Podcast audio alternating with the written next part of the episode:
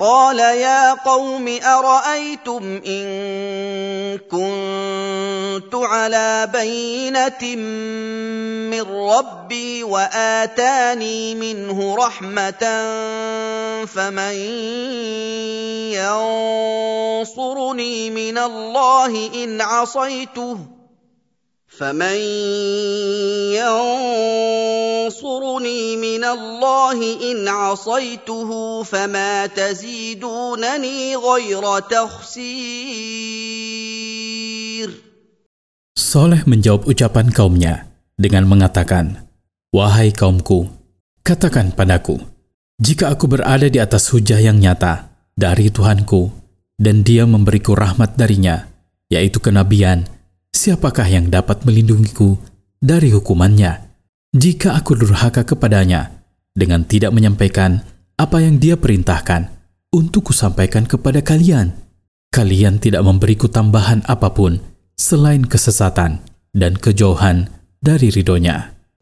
ويا قوم هذه ناقة الله لكم آية فذروها تأكل في أرض الله ولا تمسوها بسوء ولا تمسوها بسوء فيأخذكم عذاب قريب Wahai kaumku, ini adalah unta betina dari Allah sebagai tanda yang menunjukkan kebenaranku. Maka biarkanlah unta itu bergembala atau mencari makan di bumi Allah. Dan jangan sekali-kali kalian mengganggunya dengan cara apa pun. Karena kalian akan ditimpa azab yang dekat dari sejak kalian menyembelihnya. فعقروها فقال تمتعوا في داركم ثلاثة أيام ذلك وعد غير مكذوب Kemudian mereka menyembelih unta betina itu untuk membuktikan kesungguhan kekufuran mereka itu. Lalu Soleh berkata kepada mereka, Nikmatilah hidup kalian di bumi kalian selama tiga hari sejak kalian menyembelih unta itu Kemudian kalian akan ditimpa azab Allah. Karena datangnya azab Allah sesudah penyembelihan unta itu adalah janji yang pasti terjadi. Tidak mungkin tidak. Itu bukan janji palsu, melainkan janji yang sungguh-sungguh. فلما جاء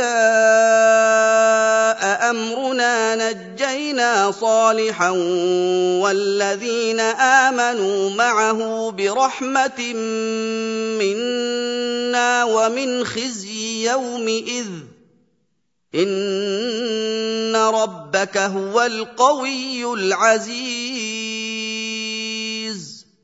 Kemudian tak kala datang perintah kami untuk membinasakan mereka, kami selamatkan Soleh dan orang-orang yang beriman bersamanya dengan rahmat dari kami. Dan kami selamatkan mereka dari kehinaan dan kenistaan pada hari itu. Sesungguhnya Tuhanmu, wahai Rasul, adalah zat yang maha kuat lagi maha perkasa. Tidak ada seseorang pun yang dapat mengalahkannya. Oleh karena itulah, dia mampu membinasakan umat-umat yang ingkar kepadanya. واخذ الذين ظلموا الصيحه فاصبحوا في ديارهم جاثمين Kaum Samud dihantam teriakan yang sangat keras. Mereka tewas seketika akibat kerasnya teriakan tersebut. Mereka jatuh tertelungkup dengan posisi wajah melekat ke tanah. كأن لم يغنوا فيها الا ان ثمود كفروا ربهم الا بعدا لثمود Seolah-olah mereka tidak pernah tinggal di negeri mereka dalam kenikmatan maupun kemakmuran. Ingatlah, sesungguhnya kaum Samud itu telah ingkar kepada Allah, Tuhan mereka. Mereka senantiasa dijauhkan dari rahmat Allah. ولقد جاءت جاءت رسلنا إبراهيم بالبشرى قالوا سلاما قال سلام فما لبث ان جاء بعجل حنيذ Para malaikat datang kepada Ibrahim alaihissalam dalam wujud beberapa orang laki-laki untuk menyampaikan kabar gembira untuk dia dan istrinya akan lahirnya Ishak, kemudian Yakub. Para malaikat itu berkata, "Salam." Ibrahim menjawab dengan ucapan, "Salam." Lalu Ibrahim bergerak cepat dan kembali dengan membawa anak sapi panggang untuk jamuan makan mereka.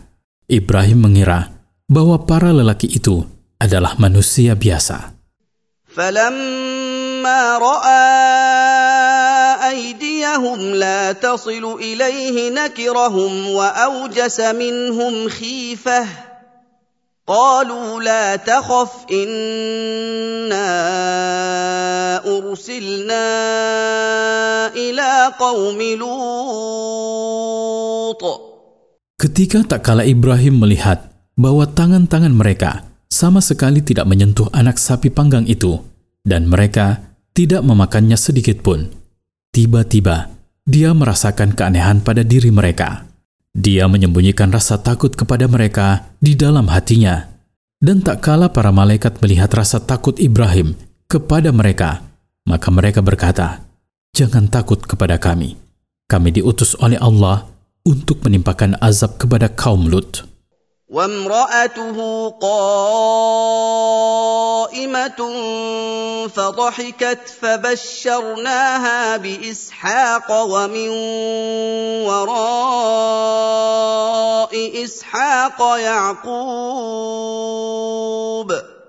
Sementara istri Ibrahim, Sarah, berdiri, maka kami sampaikan kabar gembira untuknya, yaitu bahwa dia akan melahirkan Ishak, dan Ishak akan mempunyai putra bernama Yakub. Sarah langsung tersenyum dan menyambut gembira apa yang didengarnya. Faidah dari ayat-ayat di atas. Pertama, penjelasan tentang sunatullah pada orang-orang terdahulu, yaitu bahwa dia mengutus pada mereka para rasul yang menyampaikan kabar gembira dan memberi peringatan sehingga hujah tegak terhadap mereka. Kemudian Allah membinasakan orang-orang kafir dan menyelamatkan orang-orang mukmin. Kedua, mujizat Soleh alaihissalam termasuk mujizat yang paling besar. Namun demikian, kaumnya tidak beriman. Ketiga, anjuran memberitahu orang mukmin dengan berita yang membuatnya bahagia. Keempat, disyariatkannya salam bagi siapa yang datang kepada orang lain dan kewajiban menjawabnya. Kelima, kewajiban memuliakan tamu.